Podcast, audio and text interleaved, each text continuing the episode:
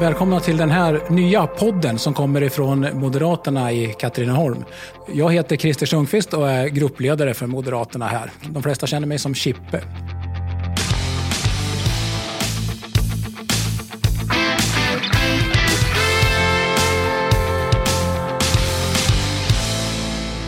Välkomna till Moderaternas podd avsnitt två. Vi sitter här på Stadshotellet i Katrineholm, Bäst Västern. Och bredvid mig har jag Erika Börjesson från Speceritjänst och Design någonting. Eh, du kan presentera dig själv lite kanske? Ja, Erika Börjesson, Smedjan Design AB driver jag från ett år tillbaka. Det är en inredningsbutik på Bruksholmen i Forsjö som så småningom kommer bli en eh, bistro. Trevligt. Men du, först tänkte jag, Finland har gått med i NATO. Och förmodligen så kommer väl Sverige att gå med i NATO i början på nästa vecka. Vad tror du om det? Ja, jag tycker att det är ett väldigt jobbigt läge just nu eh, med sådana stora statement att ta. Eh, jag tycker att det är oroligt. Det, efter Ukraina-krisen så börjar man fundera på vilka steg man ska ta. Och ja, jag är delad kan jag säga. Ja, vi moderater har ju varit för NATO länge. Vi hade mm. med det redan i förra valperioden. Alltså. Men jag tänkte, jag är så gammal så att jag kommer ju ihåg när det fanns eh, Ikander mm. och Monica kom sen efteråt. Mm. Eh, det är inte därför du heter Erika? Jo, absolut. Ja, det, det, det, var redan ja. förbestämt. Nej, är, det är ju inte alls från min familj ICA-butiken kommer ifrån, utan det är ju från eh, Pierres sida från början. Men det är en kul slump att jag just heter ja. Erika. Mm. Ja, han raggade inte upp det för det alltså? Nej. Nej. Så bra. Innan eh, du gifte dig och innan du blev eh, ICA-handlare, mm. vad hade du tänkt att du skulle göra då, när du gick i skolan? Alltså utbildningar, drömmar, mål. Vad skulle du göra? Jag skulle ju driva ett eventföretag. Jag hade stora ambitioner. Jag jobbade ju med Gotland runt under ett år. Och det är ju det roligaste jag gjort. Vad är Gotland runt? OF Offshore Race heter det just nu och det är ju en seglartävling som utgår från Stockholm också runt Gotland och tillbaka. Jag såg att du hade varit projektledarassistent för Kungliga Svenska Segelsällskapet så det förklarar det. Precis, det stämmer. Och sen har du varit skidlärare. Det har jag. I Idre. Precis. Var det också en sån här ungdomsgrej eller? Ja, men det är ju också en dröm. I min bästa värld så hade jag bott i Åre, drivit en liten matbutik, gärna Ica då såklart. Fått vara skidlärare och sen eh, gjort event på sommaren. Då ja, hade liksom cirkeln varit sluten. Så. Det är perfekt. Mm. Men du är nästan där. Jag är nästan där. Ja. Alltså, det, det, finns ju en skidbacke utanför Forssjö, precis. Ja, spökbacken. spökbacken absolut. Så att, det är ja, perfekt. Du får engagera dig i klubben, om du inte redan är det. Precis. Eh, det var min man som sa i eh, vintras att jag inte skulle göra det. Men jag hakade på direkt och sa det är klart att jag ska hjälpa till. Så jag ville skruva skidor och stå i kiosken och så. Men eh, jag fick inte tiden att räcka till tyvärr. Så den här säsongen har vi inte gjort så mycket där. Men vi, vi kommer. Så bra. Alltså speceritjänst ICA Speceritjänst heter ju eran. Mm. Där kunde man beställa storpack på Facebook. Ja. Alltså en hel låda jordgubbar eller vad det var. Är det någon, var något som ni kom på? För det har inte jag sett innan jag såg det på er hemsida, eller er Facebook-sida. Nej, sagt. vi har eh, snott det av andra ICA-handlare som det har fungerat bra för. Och vi märkte att det var ingen annan i Katrineholm som tog an det. Så vi har hakat på den trenden och vi har kört i flera år nu faktiskt och kommer inte sluta med det. Utan Nej. det är en viktig inkomstkälla för oss. Och det finns nu också, för nu har jag faktiskt inte sett det. Men Nej. Alltså, det försvinner ju i flödet så här också. Ja, så det, får, jag får in och klicka på Besses eh, Facebook-sida. Det får du göra. När vi pratar om, om eh, då ICA-handeln, pandemin, mm. det här med begränsningar, antal mm. folk i butiken. Ni har ju fortfarande lappar, sitter i, med avståndslappar på golvet, på golvet där har jag sett. Mm. Och det här med ersättning från staten som man fick mm. för sjukskrivningspengar. Alltså fungerade det där bra? Eller? Vi är väldigt nöjda och tacksamma över den hjälpen. Tyvärr har det varit alldeles för tufft ändå under pandemin. Jag tror att man valde bort småbutikerna just av utrymmesmässigt, liksom, att det kändes trångt. Alltså kunderna? Och gå och handla, kunderna, precis. Så det är bra att man får stöd. Sen hade man ju önskat som fastighetsägare kanske att man hade kunnat tänkt på hyrorna och sånt under pandemitiden, men det var ingenting som vi fick hjälp med. Så det har varit tufft. Jag har hört från andra håll att man var jättenöjd med att man får stödet, men mm. att pengarna kom väldigt, väldigt sent. Ja, jag har inte samma känsla faktiskt, utan Nej. det har fungerat ja, bra. bra. Hur är det med alltså, semesterresor och sånt som man kan tänka sig att man vill göra, åka till Idre, åka skidor kanske, eller mm. något sånt där nu under pandemin tid. Det har fått stå tillbaka allting. Ja, det har det gjort faktiskt. Pierre är iväg första gången nu. Aha. Han är i Skottland och gjorde en HIO igår faktiskt, så att han är riktigt lycklig. Och vad är nu en HIO? Det är en hole-in-one, så det är Jaha. ett slag ja, ja, direkt golfspelare. I. Ja, precis. Ja, det är häftigt. Eh, nej, men vi har eh, gjort eh, Sverigeresor, ska jag säga. Vi har varit i eh, fjällen första gången nu i vår. Men annars har vi varit bara hemma. Som alla andra? Som alla andra. Har ni fixat pass nu? Ja, det har ju, Pierre har ju gjort det. Ja, precis. Vi har faktiskt inte gjort det och vi är inte jättesugna på att ut och resa just nu heller. Utan vi är trygga Sverige. Vi håller oss här ett tag till faktiskt. Ja. Mm. Dessutom så är det jättelång leveranstid på pass. Min måg, han åkte till Gotland för att få sitt pass. Oj då. Ja, då ja. vill han verkligen ut och resa. Det här med Ukraina-kriget då lite koppling till Nato kanske. Så. Mm. Men jag tänkte mer generellt med varubrist. Man pratar ju om vete och kaffe blev dyrare mm. och, och, sånt där. Hur mycket har det påverkat? Det blir ju stora prishöjningar och jag förstår ju att det är tråkigt både som kunder men också för oss att behöva göra de här höjningarna. Vissa saker önskar jag skulle höjas tidigare än bara i kriser som det är nu. Jag tänker dels som för bönderna. Eh, jag tycker mm. att vete till exempel och spannmål borde kosta mer att köpa. Jag tycker att mjölken skulle vara dyrare, inte ut mot kund, men vad faktiskt mjölkbönderna får. Ja.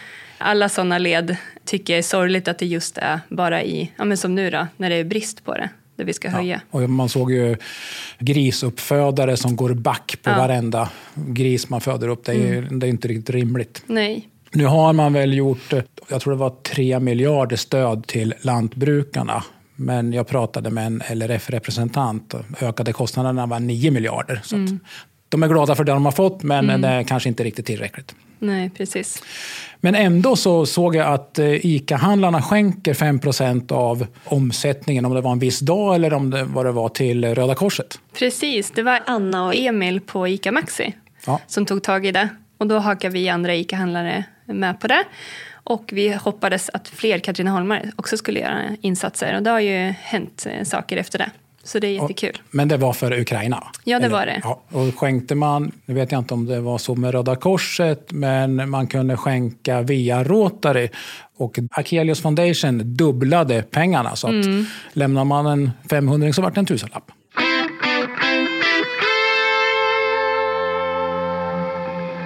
Du bor i Forssjö mm. nu för tiden. Det gör jag. Jag har inte koll på var du bodde innan. Nej, mitt inne i Katrineholm. Så från ett pulserande stadsliv till ja. lugnet på landet. Precis. Och vi vill inte att det ska vara så lugnt på landet så det är därför vi skapar lite förutsättningar nu för att vi faktiskt ska ha lite konserter och lite pubkvällar och så vidare. Så att eh, från pulsen i stan till pulsen på landet, tänker jag. Och det är ju faktiskt eh, cykelavstånd och det är ju som sagt, det byggs ju jättemycket i Forssjö. Det gör ju det. Eh, jag var där häromdagen och tittade och det är inte länge sedan vi tog första spadtaget på nya förskolan. Och jag har för mig, ja, nu är jag inte helt säker, men jag vet ju att Nils Holgersson, han åkte över, eller flög över Katrineholm mm. och uh, landade i den sköna lustgården. Jag har för mig att han passerade Eriksberg också, va? så han kanske rimligen borde ha flygit över Forssjö. Jag tycker det. Det är verkligen fågelvägen fram ja. till Jula sen. Ja, så det så borde att, uh, vara så. Han, han, borde ha varit där ja. också. Att, mm. Och på tal om sköna lustgården och uh, landet och miljö. Du vet att Moderaterna har det högsta förtroendet i miljöfrågor? Va? Berätta. Man gjorde en mätning och det, var, det tycker Moderaterna är jätteroligt. Att, att Moderaterna fick högre förtroende i miljöfrågorna än Miljöpartiet. Ja, ja. Det tyckte mm. vi var roligt. Ja. Du är ju en entreprenör och du pratade om Bruksholmen och, och det här. Kan du utveckla det här lite? Vad, vad kommer att hända Det är ju fint att bli kallad entreprenör, men för mig är man entreprenör om man har lyckats med många projekt. Så vi får se om några år om du kan kalla mig för entreprenör.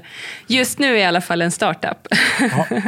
eh, nej, men Bruksholmen ligger helt fantastiskt beläget i Forsjö, precis vid vattnet. Det är ju alltså en gammal bruksby, mm. Forsjö. Och de här lokalerna har stått i så många år utan att någon har gjort någonting med det. Jag och mina barn var ute vid badplatsen år efter år och såg den här miljön bara förfalla. Och en dag fick jag för mig att men jag måste göra någonting med det här. Då gick jag hem, så under tre månaders tid satt jag och gjorde en affärsplan. Och sen hörde jag av mig till Caroline Bonde som eh, förmedlade mig vidare och jag hamnade hos Per Heidenfors som nu är fastighetschef på Eriksberg. Och tillsammans med honom så förverkligar vi min dröm om den här Bruksholmen. Det blir alltså en gammal smedja som blir en restaurang det blir ett mälthus som blir en inredningsbutik och så småningom även en liten livsmedelsbutik, en sån obemannad.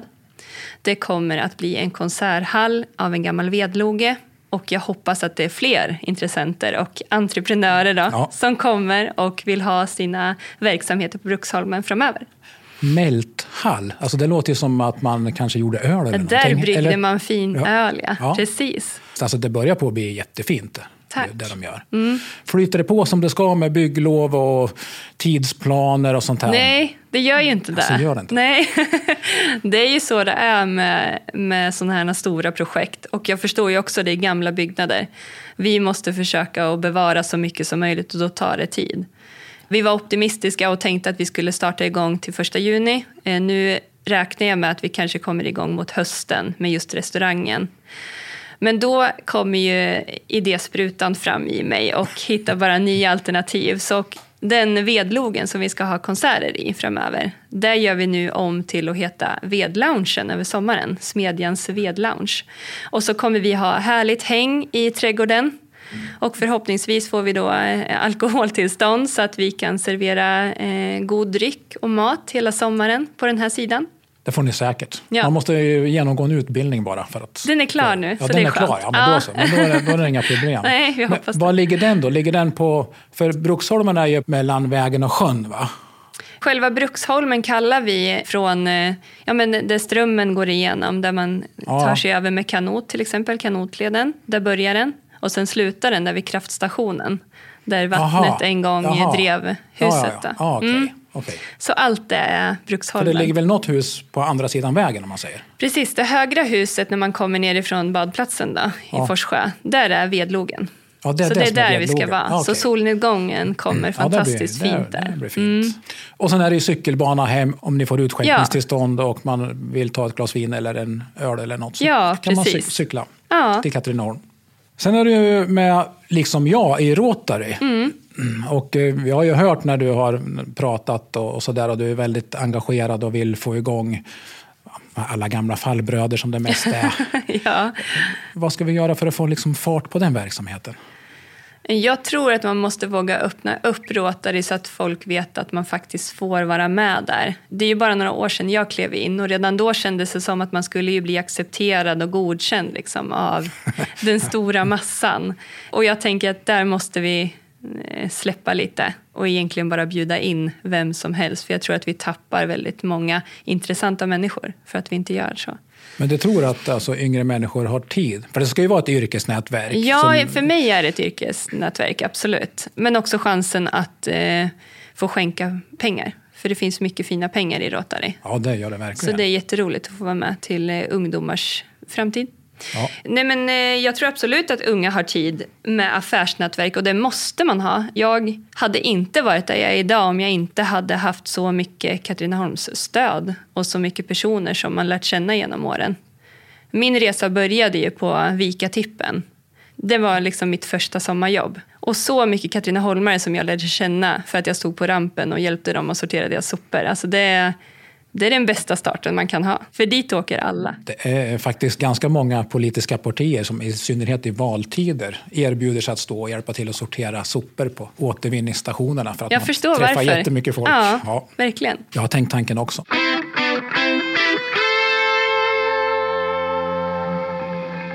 Hur ser ditt Katrineholm ut framåt? Mm. Om vi, säger, vi, vi håller på i kommunen med översiktsplan 2050 2050. Hur skulle du vilja att det såg ut 2050?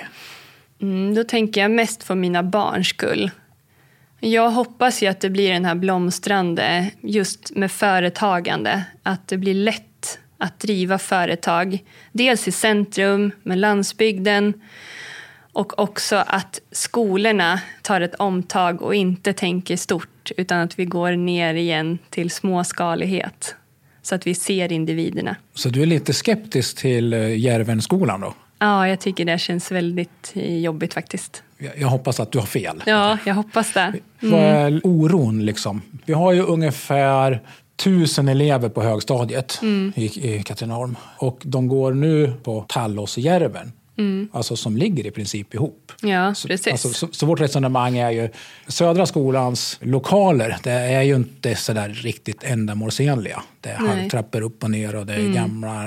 Så att nu tänker vi att ja, om vi bygger ett nytt ihop med Tallåsskolan så kommer det att bli mycket bättre. Men det gillar jag verkligen, att det blir nya eh, lokaler. För jag har också varit där inne och tittat såklart. Man har väl skrivit prov där. Vad heter det? Högskoleprovet har man ju varit på där. Min känsla är nog mer att för mina egna barn, som de är just nu, så har de svårt att ta plats i ett rum med mer än, ja men säg 30 elever. Det är liksom svårt att eh, nå ut, förstår du, till de eleverna som det är i den klassen. Och då känner jag bara att också så här, raster, matsal, allting kommer ju bara bli mycket och stort. Men det är som förälder att man vill ta hand och värna om sitt lilla barn, att det ska ha den där trygga platsen och en liten, man vill att en vuxen ser dem. Det tror jag man kommer att göra där. Eller jag är helt säker på att man kommer att göra det. Jag har varit inne och tittat och som jag förstår det Ja. så, så får ju varje klass en hemvist. Okej. Så sin, sin egen s- lektionssal och ja, studierum och Ja. kapphall och sådär. Så Okej. alla får Och dit kommer Ja. ju ingen annan in. Utan det är ju deras del i den här byggnaden.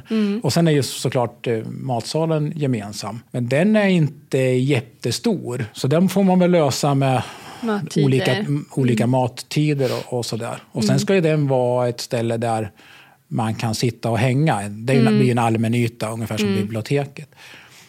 Sen är det väl rasterna. Det är väl också så att det liksom är ingångar från olika håll. Så jag, ja, man kan tänka sig att någon viss årskurs kommer att hålla sig på ena sidan och någon viss på andra sidan. Sen får man väl helt enkelt ha vuxna ute på skolgården. Det är ju lite problem. Men alltså det händer ju lite uppe på åsen och där vid Järvenskolan. Jag såg nu att eh, Kristdemokraterna hade ju någon insändare idag att de ville ha belysning uppe på åsen. Och där har vi ju röjt buskar och sådär för att det ska bli bättre. Men det där kan jag ju hålla med om. Där är ju lite oroligt. Men just det där med raster, för det, eftersom att ja, men vi hade en incident med vår dotter, som jag sa till dig. Och då blir det ju ännu mer tydligt att det måste finnas vuxna i närheten. Jo, men så är det ju. Nu flyttar det ju upp från eh, ja, socialens fältare är det väl, som är på skolan. Okej. Uppe på Järvenskolan, två stycken.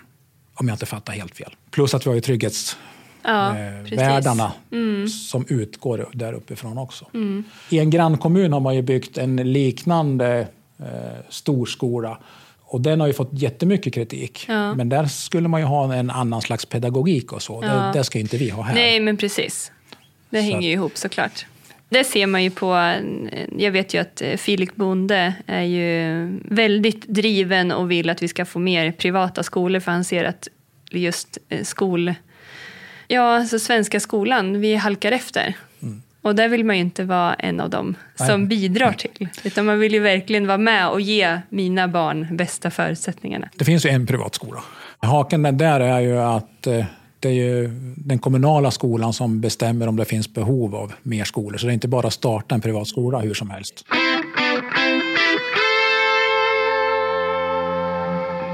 När man åker in i Katrineholm, om man kommer med tåget, Ja, eh, så ser man ju mot torget. ja, Och det är ju inte sådär det är ju jättestrålande utsikt, utan det är ju mer det är baksidan på Ja. centrum. precis. Hur skulle vi göra för att liksom vätta det så att framsidan blir mot torget? Så folk som kommer med tåget och ska vänta en timme på byte faktiskt promenerar in i centrum och handlar.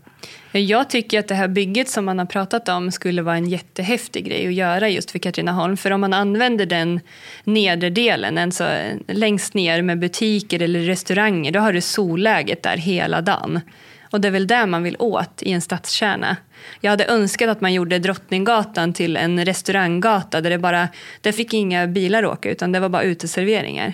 Det är ju egentligen gångfartsområde. Man ja. får ju köra till och från när man ska lasta av. Men... Ta bort det helt. För man ser ju andra städer, jag bara tänker som Örebro till exempel på somrarna. Då har du ju restaurangtält på hela Stortorgen där. Det är häftigt, jag tycker mm. det är mm. härligt. Mm. Men då skulle vi göra det som i folkmun går som Guldhuset. Det, ja, att det, det, är en bra idé. Och då så skulle vi få en liten snyggare fasad mot ja, järnvägsstationen. Verkligen. Bra idé. När ni flyttade ut till Forssjö, mm. så ni byggde väl eget antar jag? Ja, och så precis. köpte en tomt och byggde ett hus. Mm. Ja, från moderat håll så tycker vi att man ska få bygga nära sjön. Det är lite för mm. Eh, mycket bestämmelser om sjönära läge och sådär. Ja. Lyckades ni få tag i en tomt så ni har bra sjöutsikt? Vi bestämde oss ganska snart när vi hade tittat på tomterna ute på Ragnarsgärde om att det var inte det viktigaste för oss att få det allra närmsta vattnet utan vi tänkte att vi har sjönära. Ja. Så vi har faktiskt byggt så att vi har Gärdet som bästa utsikt på vår baksida. Så vi har alltså Gärdet uppåt och så ser vi Forssjö. Okay. Men eh, jag håller verkligen med om att vi måste få bygga mer längs vatten. För det finns så mycket små sjöar och fina omgivningar i, i Sörmland och i Sverige. Så att jag förstår verkligen inte det här med 100 meter strandskydd. Det kom ju nya strandskyddsregler ja. och då var det till och med så illa så att man fick inte bygga närheten av ett dike. Nu tror jag man har justerat det lite ja. grann, så det, det, är väl något bättre. Mm. Jag är ju uppvuxen liksom 50 meter från vattnet. Aha. Vid sjön Lotten. Så tycker jag alla skulle få bo. Och Lotten är? Ute i Marmorbyn. Marmorbyn, ja. för jag mm. var inne och kollade på din Facebook-sida. Mm. Och då kunde jag liksom tolka ut att du var dotter till Lars Larsson. Ja, men det är jag. Precis. Och då tänkte jag att ja, men där har hon ärvt entreprenörskapet ifrån. för han har ju hållit på med mycket grejer. Ja, men så är det ju. Och jag jagar faktiskt där ute i krokarna. Ah, vad ja. kul. Ah.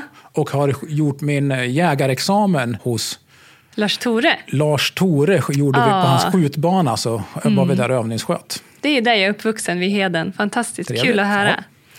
Jag tog också jägarexamen bara för att hedra farfar. Sen om vi går tillbaka till eh, Bruksholmen och med det här att eh, det tar lite längre tid än man hade tänkt sig. Mm.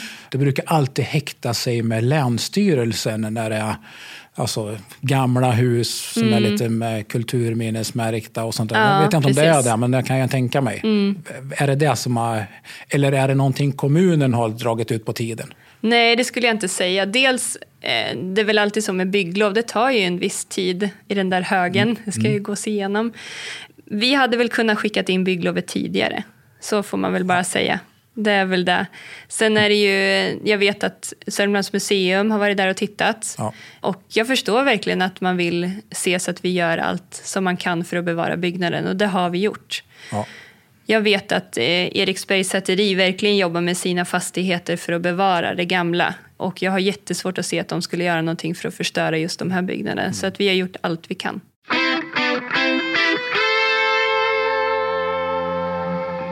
För er som lyssnar.